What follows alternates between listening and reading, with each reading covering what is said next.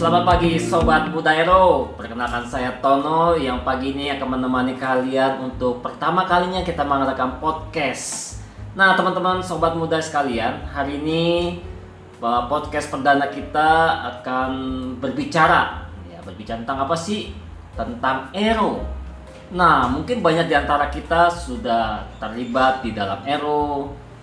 Banyak di antara kita sudah uh, mendengar nama Ero ini uh, cukup lama gitu ya.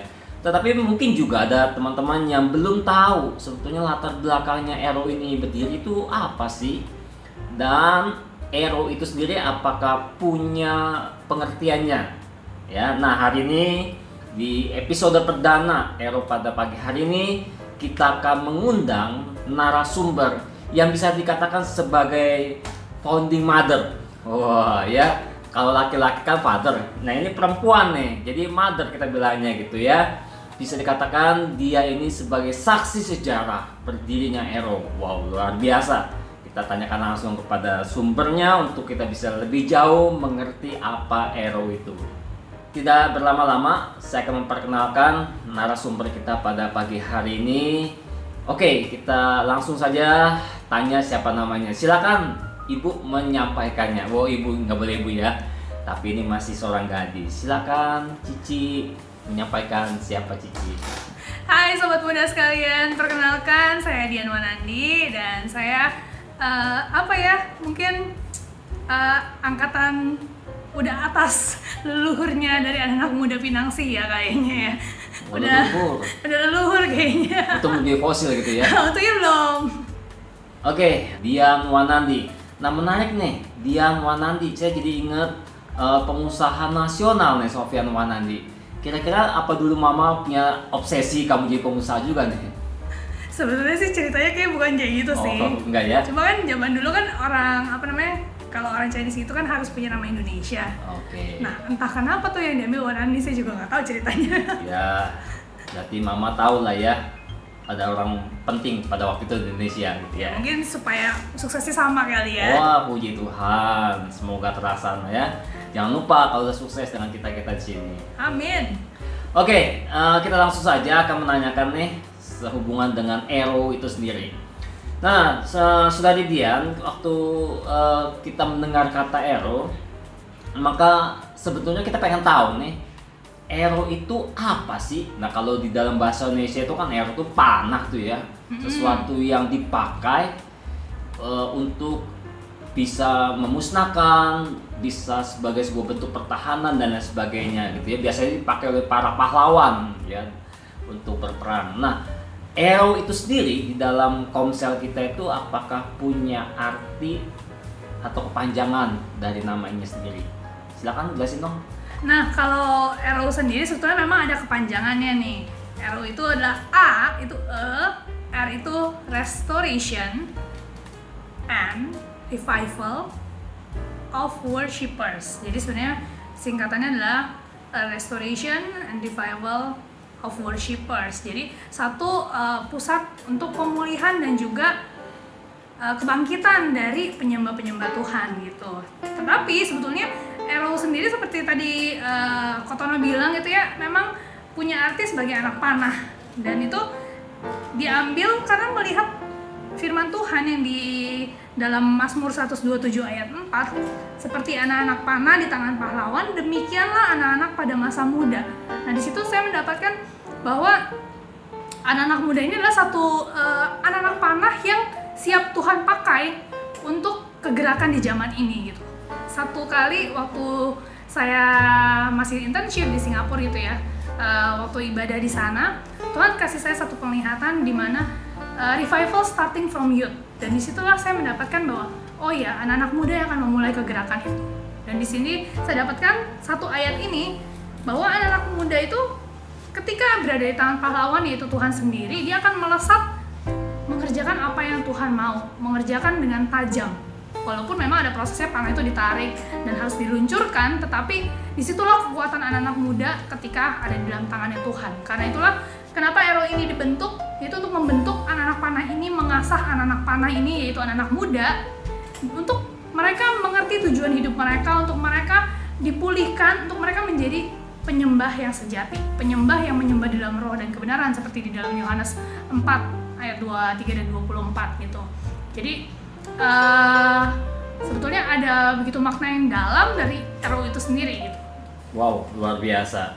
Nah, jadi pemaparan ini saya jadi ingat Presiden pertama Republik Indonesia, Bapak Soekarno. Soekarno. Ya, dia mengatakan beri aku lima orang pemuda, maka aku akan menggoncangkan dunia. Wah, luar biasa. Ternyata memang tidak hanya di dalam lingkup kita sebagai orang percaya yang jelas sekali dikatakan di dalam firman Tuhan bahwa anak muda itu punya sebuah potensi yang luar biasa. Bahkan orang-orang sekuler seperti Soekarno pun bisa mengatakan hal demikian. Nah kalau tadi dia mengatakan bahwa pemuda itu punya uh, sebuah daya yang luar biasa dan itu bisa dipakai untuk uh, menjadi sesuatu yang berguna ya. Hmm. tapi memang sekali lagi kalau anak muda itu dipakai di tangan yang salah, wah panah gitu ya. Dia main apa nggak senang dia lepasin aja anak panah. Kan nancep kepada semua itu sampai akhirnya eh, bisa melukai. Nah ini juga kan yang kemarin dikritik oleh oleh Ibu Megawati tuh, Oh. ya ketika Ibu Megawati bilang apa sih eh, kegunaannya anak milenial ini? Apa sorry? Milenial. anak milenial. Ya. Dia sampai mengkritik seperti itu. Kenapa? Karena kemarin demo demo yang merusak-rusak itu ternyata anak muda semua tuh anak-anak milenial. Ya memang dalam satu sisi kita waktu mendengar eh, ibu Mega bicara begitu sebagai anak milenial tentu kita merasa susah hati juga gitu ya nggak seneng juga. Tapi memang kenyataannya ketika mereka tidak terkondisikan baik ya merusak sih memang itu yang berbahaya ya. Jadi mungkin ini juga beban buat kamu yang diharapkan semua lingkup gereja ya gitu ya. Jemaat GKI Pinangsia itu punya concern terhadap pemuda karena mereka masa depan gereja. Begitu kan ya Betul banget. Oke. Supaya mereka nggak salah jalan juga karena itu perlu satu komunitas. Karena ibaratnya mungkin uh, orang tua masuk ke anak muda kan kadang-kadang kagak nyambung ya ada generation gap gitu. Tapi ketika sesama anak muda, ketika kita saling sharing, kita saling berbagi, di situlah anak-anak muda tuh mulai ngeliat oh temen gue juga ngalamin hal yang sama dan dia bisa menang dalam hal itu kenapa gue enggak dan di situlah di mana restoration itu antar anak pemuda mulai terbangun Wow, luar biasa ya. Oke, sekarang eh, mungkin yang akan saya tanyakan itu adalah kapan sih pertama kali Ero itu diperkenalkan di eh, Youth GKI Pinangsia itu? Jujurnya sih saya nggak inget tanggal persisnya ya, nggak ada akte pendirian istilahnya ya. Tapi eh, Gak apa-apa nggak mengurangi selamatan nggak ya. mengurangi keselamatan ya. Cuma mengurangi fakta sejarah aja. Iya. Mohon maaf nih nggak dicatat sejarahnya. Tapi em, untuk permulaan RU sebetulnya adalah kita rindu punya komsel waktu itu.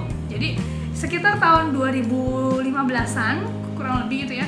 eh, kita punya kerinduan yuk kita ngumpul yuk nggak cuma hari minggu doang kita datang ibadah tetapi kita juga perlu ngumpul nih kita perlu sharing-sharing kita perlu bangun satu komunitas yang kita bisa saling bertumbuh akhirnya kita mulailah kumpul uh, dua minggu sekali waktu itu awalnya dan biasanya di rumah salah satu anak youth kita gitu ya kita rutin di situ dan kita ya setia aja seperti itu terus sampai di tahun 2016 akhirnya diputuskan untuk ya udah kita adain setiap minggu deh gitu. Karena juga ada respon nggak cuma dari jemaat kita aja nggak cuma dari anak-anak muda GKI Pinangsia tetapi ada juga yang bawa teman dari gereja lain dan akhirnya masih uh, ikutan ero walaupun mungkin belum berjemaat di tempat kita gitu ya. Tetapi uh, mereka tetap join ero kenapa? Karena mereka enjoy dengan komunitas yang ada gitu. Jadi komunitas ini ya nggak terpaku hanya di Pinangsia tetapi kita juga mau menjangkau anak-anak muda lain yang rindu juga untuk bersekutu yang rindu juga untuk mendapatkan berkat melalui firman Tuhan Nah sejauh ini menurut Dian, Ero itu sendiri eh, apakah sudah berjalan eh, sesuai dengan harapan-harapan tadi itu di awal dikemukakan? Atau sebetulnya juga eh, masih ada beberapa kendala eh, di dalam fungsi Ero itu sendiri misalnya bagaimana Ero ini bisa terus menjadi sebuah sarana anak muda itu bisa belajar firman, bertumbuh dan ya bersama-sama bisa produktif lah ya sebagai anak muda bagi kemuliaan Tuhan. Kira-kira masih melihat kendala-kendala di sana? Kalau saya melihat sejauh ini sebelumnya dari titik nol karena saya dari awal ya, maksudnya saya melihat dari titik nol sampai dengan saat ini sudah ada perkembangan. Paling Hmm. tidak uh, bagian tersulit untuk anak-anak yang pertama kali masuk ke dalam Arrow ataupun Komsel gitu ya biasanya adalah untuk cerita untuk sharing tentang hidupnya gitu. Tetapi mulai kemarin saya melihat bahwa setiap anak-anak Arrow tuh udah mulai mau untuk uh, share tentang hidupnya. Kalau misalnya disuruh tanya awal-awal gitu ya tanya ada press report apa minggu ini? Mereka dengan antusias untuk mereka bisa cerita. Hmm. Nah, tetapi selain itu juga untuk mencapai satu uh, visi besar dari Arrow sendiri di mana ada restoration, di mana ada revival dari worshiper, artinya perlu disiplin, hmm. perlu anak-anak muda ini ibarat panah itu harus mata panah mesti diasah sesuatu yang nggak enak. Nah, sesuatu yang nggak enak ini yang mungkin bertahap. Ada yang sudah duluan ngalamin, ada yang misalnya belum terlalu mengalami, ada yang benar-benar apa ya, ibaratnya ngalamin Tuhannya dibentuk sama Tuhan prosesnya luar biasa banget gitu. Ada juga tapi ada juga yang masih mungkin masih balita rohani juga gitu. Tapi ya di situ menjadi beban kita semua untuk kita sama-sama menumbuhkan balita-balita rohani ini untuk menjadi remaja rohani untuk jadi dewasa rohani. Dan di situ masih perlu proses sih masih perlu proses yang tentunya dimulai dari masing-masing pribadi anak muda itu sendiri. Seberapa dia mau terbuka seberapa jauh dia mau mengalami Tuhan uh, baca firman dan juga sebagai bagaimana mereka meresponi kejadian-kejadian dalam hidup mereka sehingga mereka tahu Tuhan hadir dalam hmm. kehidupan mereka. Uh, kalau tadi kan di awal itu kan memang punya sebuah apa uh, harapan besar tuh ya yeah. harapan besar bagaimana anak-anak muda bisa menjadi sebuah penyembah penyembah Tuhan yang ya yang punya antusiasme anak-anak muda Tuhan yang punya revival gitu ya uh, tentu itu sebuah harapan besar ya hmm. bahwa banyak anak muda ya tentu banyak anak muda tetapi tadi dikatakan di dalam kenyataannya ternyata itu juga dibutuhkan yang namanya sebuah tuntutan disiplin komitmen dan lagi dan lain sebagainya Nah, bagaimana kita melihatnya dengan justru kondisi yang sekarang terjadi justru kelihatannya justru yang namanya komitmen itu seakan-akan menjadi barang barang ya? yang apa ya sulit gitu ya. Mungkin barang yang tidak disukai gitu ya. Bagian banyak anak muda tuh yang namanya sebuah komitmen yang namanya sebuah proses. Karena ya sekarang zaman instan ya. Yeah. semua mengajarkan sesuatu yang instan. Indomie aja instan kopi aja instan gitu ya. Lu mau bikin skripsi aja sekarang instan. Ya mau apa juga semua serba instan. Nah bagaimana tuh dia menghadapi situasi yang demikian? Harapannya besar banyak anak muda tetapi seakan-akan tadi tuh sebuah tuntutan disiplin komitmen itu seakan-akan memperkecil harapan itu gitu ya. Pernah gak sih mengalami rasa putus asa juga nih menghadapi yang situasi seperti ini? Uh, bukan pernah lagi gitu tapi bahkan kalau saya bilang sepanjang perjalanannya Ero gitu selalu ditanya kadang kadang-kadang ditanya gitu sama majelis jumlahnya berapa? Nambah enggak? Kan itu kayak yeah, apa ya iya, tuntutan yeah. yang bikin aduh pusing kepala juga gitu yeah, tetapi saya teringat bahwa Tuhan Yesus nggak memerintahkan kita untuk punya banyak jemaat, tetapi muridkan. Hmm. Dan pemuritan itu memang menyentuh bagian-bagian yang nggak enak, menyentuh bagian disiplin, menyentuh bagian pengikisan karakter yang ibaratnya orang nggak suka sebetulnya dikikis, orang nggak suka diproses, diproses gitu ya. Tetapi ya itu yang akan terus dikerjakan karena tujuan akhirnya adalah untuk menjadi seorang penyembah dia harus menjadi murid dulu hmm. gimana mau jadi murid kalau tidak dididik ibaratnya gitu jadi kalau buat saya pribadi uh, jumlah itu bukan apa yang saya kejar tetapi kualitas penyembah itu yang saya mau uh, bentuk dari anak-anak muda ini. Oh. Kenapa? Karena begitu mereka punya kualitas seorang penyembah, mereka punya kualitas uh, murid Kristus yang sejati, mereka ketika dilepas di dunia menghadapi sikon apa pun mereka akan tetap survive. Hmm. dan itu yang akan menghasilkan ya kekristenan sejatinya di situ teruji. Itu percuma kalau seandainya jemaatnya banyak tetapi mereka nggak punya satu kualitas dan akhirnya ketika mereka dilepas dalam satu permasalahan mereka gugur. Oke. Okay. gitu. Jadi benar-benar fokusnya di kualitas seorang penyembah itu sendiri. Artinya ketika kita memunculkan sebuah gerakan Ero ini hmm. dengan sebuah tujuan anak muda yang menyembah, anak muda yang revival dan sebagainya, nah mau mengatakan bahwa tuntutan ini tidak boleh dilepas daripada tujuan Tuhan itu sendiri gitu kan ya. Betul. Nah, maka waktu kita menjalankannya ya harus di situ tuh di tujuan Tuhan itu sendiri gitu ya karena kan kalau tujuannya buat kemuliaan Tuhan. Betul sekali. Jadi jangan sampai bergeser dengan kemauan kita gitu. Yeah. Ya Nah saya ingat sekali tuh satu perkataan dari Mother Teresa bahwa- dia katakan kita dipanggil bukan untuk sukses tapi untuk setia. Wah luar biasa gitu ya. Sama seperti kalau orang pacaran, ya yang yang dituntut dari seorang berpasangan itu kan bukan sekedar happy happy, senang senang, ya bukan sekedar bahagia, tapi kesetiaan. betul Karena tanpa kesetiaan, ya kebahagiaan itu sesuatu yang semu ya. Lu bisa beli, lu bisa mungkin memberikan sesuatu yang membuat orang bahagia, tapi tanpa kesetiaan, kesetiaan, ya dia akan cari kebahagiaan lain. Yes, betul. Nah, terus menanggapi soal itu juga nih tentang apa yang tadi dibilang tentang kebahagiaan semu gitu ya. Mungkin ibaratnya tadi eh Kotono bilang, iya anak muda kan nggak suka komitmen gitu ya. Maksudnya ah, itu barang yang nggak laku di anak muda gitu. Tetapi eh, saya belajar bahwa ketika sebetulnya ketika anak-anak muda disiplin dengan penuh kasih, dia tahu siapa yang mengasihi dia Iya, dan itu betul, betul. akan menarik dia untuk menanamkan komitmen dia terutama ketika dia tahu bahwa dia dikasihi oleh Kristus Hmm.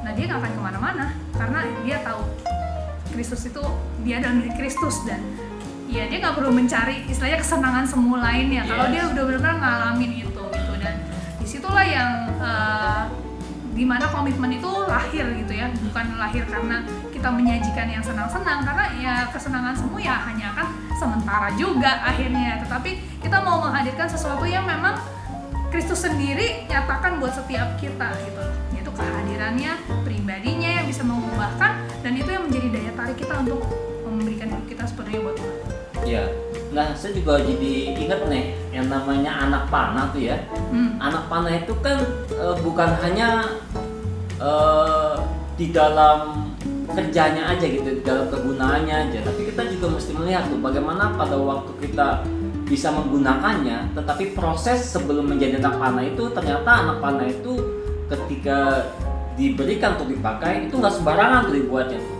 Jadi Iya. harus ada ukurannya, harus kelurusannya, Betul. lalu keseimbangan waktu dia dilepaskan dari panah itu. Nah itu kan semua proses tuh ya. Jadi eh, ya tadi sekali lagi bagaimana dia bisa menjadi sebuah anak panah yang berguna ya harus ada prosesnya. Dan ini mungkin yang sedang eh, sama-sama diupayakan mungkinnya oleh Dian pada mulanya bagaimana memproses sampai jadi hero itu sendiri, jadi panah itu sendiri ya. Itu mungkin gitu ya. Betul sekali, jadi memang nggak lepas dari yang namanya proses sih gitu dan eh, ketika kita ngadain Ero tiap kami saya melihat ketika masing-masing pribadi sharing gitu ya saya ngeliat oh Tuhan mulai proses dia ini, Tuhan mulai proses dia ini. Dan itu yang sebenarnya buat saya excited gitu. Kalau seandainya Ero-nya cuma ya share-nya cuma oh iya bersyukur karena kerjaan baik gini-gini. Iya. ya biasa aja sebetulnya. Betul. tetapi ketika ada yang bilang saya dalam pergumulan di situ saya excited. Kenapa? Karena saya tahu Tuhan mengerjakan sesuatu untuk mengajarkan anak itu sesuatu gitu. Iya. dan di situ titik excited dan saya melihat bahwa oh yes Tuhan memang bekerja di tengah-tengah anak muda ini untuk memproses mereka gitu. Dan itu yang terpenting sih Oke, nah sekarang sedian eh, pertanyaan nih. Ini kan sekarang Ero tidak hanya eh, bentuk komsel. hmm Ternyata sekarang sudah punya podcast. Yes. Ya, wah luar biasa nih. Ini perdana kita membuat dan eh, nah waktu Dian mendengar bahwa kita akan buat podcast eh, gimana perasaan dia itu sendiri? Lalu eh, kira-kira apa sih harapannya dengan podcast ini? Ya kalau podcast ibaratnya ini baru hype ya sekarang sekarang ini kan ya. Betul, baru betul. hype gitu ya. Dan ini satu bagi saya ini adalah satu bentuk kita bisa memberkati keluar. Jadi nggak cuma di dalam aja tetapi kita bisa memberkati keluar di mana anak-anak muda lain pun bisa mendengar setiap kesaksian. Yang mungkin mereka nggak temui di dalam gereja mereka tetapi ketika mereka mendengar satu kesaksian ketika Tuhan bekerja siapa pun bisa diberkati gitu. Dan tujuan dari podcast ini sendiri adalah untuk memberkati orang-orang luar juga gitu. Nggak sekedar dari anak-anak youth Pinangsia Setuju, aja setuju, tetapi untuk ya semua anak-anak muda gitu loh. Karena kesaksian itu bisa beragam dan eh, saya percaya sih ketika kita mendengar kesaksian gimana Tuhan bekerja kita akan terkagum-kagum semakin terkagum sama Tuhan dan pada akhirnya kita akan memuliakan Tuhan dan itulah tujuannya tetap untuk memuliakan Tuhan lewat podcast ini. Oke eh, jadi finally dari semua hal yang kita lakukan adalah kalau meminjam istilahnya katekismus Westminster itu adalah kembali bagaimana manusia itu punya tujuan adalah memuliakan dan menikmati Tuhan. Yes Iya. betul. Iya, karena memang ya sekali lagi gitu ya jangan sampai kita membuat semuanya ini cuma sekedar wah lagi trennya apa Iya. Iya. lagi boomingnya apa Betul, jadi betul. jangan sampai lu kalah dong jangan sampai lu malu lu juga mesti punya podcast gitu kan ya lu juga mesti punya ini punya program ini ini tapi akhirnya tujuan yang utamanya justru nggak tercapai Ya, jadi bagian ini mengatakan fokus lo fokus fokus fokus gitu ya Betul, harus punya satu eh, istilahnya tujuan kekalnya gitu ya. Ya. Karena kalau kita cuma ngejar hype doang, dalam waktu 1 2 tahun pasti akan eh, pupus juga pada akhirnya gitu. Ya. Tetapi kalau kita pusatkan pikiran kita tujuan podcast ini buat apa sih gitu dan kalau kita merasa bahwa kita mau memberkati orang lain, ya Tuhan pun akan membuka jalan buat kita menjadi saluran berkat buat orang lain. Oke, di akhir daripada sebuah uh, perbincangan kita hari ini nih, pagi ini ya. Nah, kira-kira harapan dia nih apa nih? Selanjutnya ke depannya buat Komsel Ero dan juga podcast Ero ini. Harapan saya buat anak-anak Ero adalah mereka semua semakin mengalami Tuhan, semakin dibentuk juga, sekalipun dibentuk tuh nggak enak, tetapi saya percaya bahwa pembentukan itu selalu membawa kepada kedewasaan, selalu membuat kita naik satu level lagi, satu level lagi untuk semakin serupa Kristus, naik satu level lagi untuk mengenal pribadinya Tuhan. Jadi eh, saya harapkan ya setiap anak-anak RO itu bisa mengenal Tuhan secara pribadi, mengalami Tuhan secara pribadi, dan gak cuma berhenti di situ, tetapi juga membagikan buat orang lain sehingga bisa menjadi berkat di mana pun anak-anak RO berada. Oke, thank you banyak tuh Dian untuk bincang-bincang pada kesempatan pagi ini. Sama-sama. Oke, perbincangan uh, saya dengan saudari Dian ini berakhir sampai sini. Ternyata waktu juga lah yang harus memisahkan kita ya. Nah, jadi teman-teman sekalian untuk lebih tahu soal Ero dan mengapa sih uh, kita bisa sampai berkembang sampai sejauh ini tentang Ero tadi sudah disampaikan oleh saudari Dian. Nah, teman-teman sekalian, selanjutnya kita akan terus pantengi podcast Ero kita ini di waktu-waktu selanjutnya. Kita akan terus menampilkan uh, topik-topik penting yang sehubungan dengan anak muda zaman now lah istilah kata ya, milenial dan lain sebagainya. Tentu kita akan mengundang narasumber-narasumber yang bisa menjadi berkat buat anak-anak muda sekalian.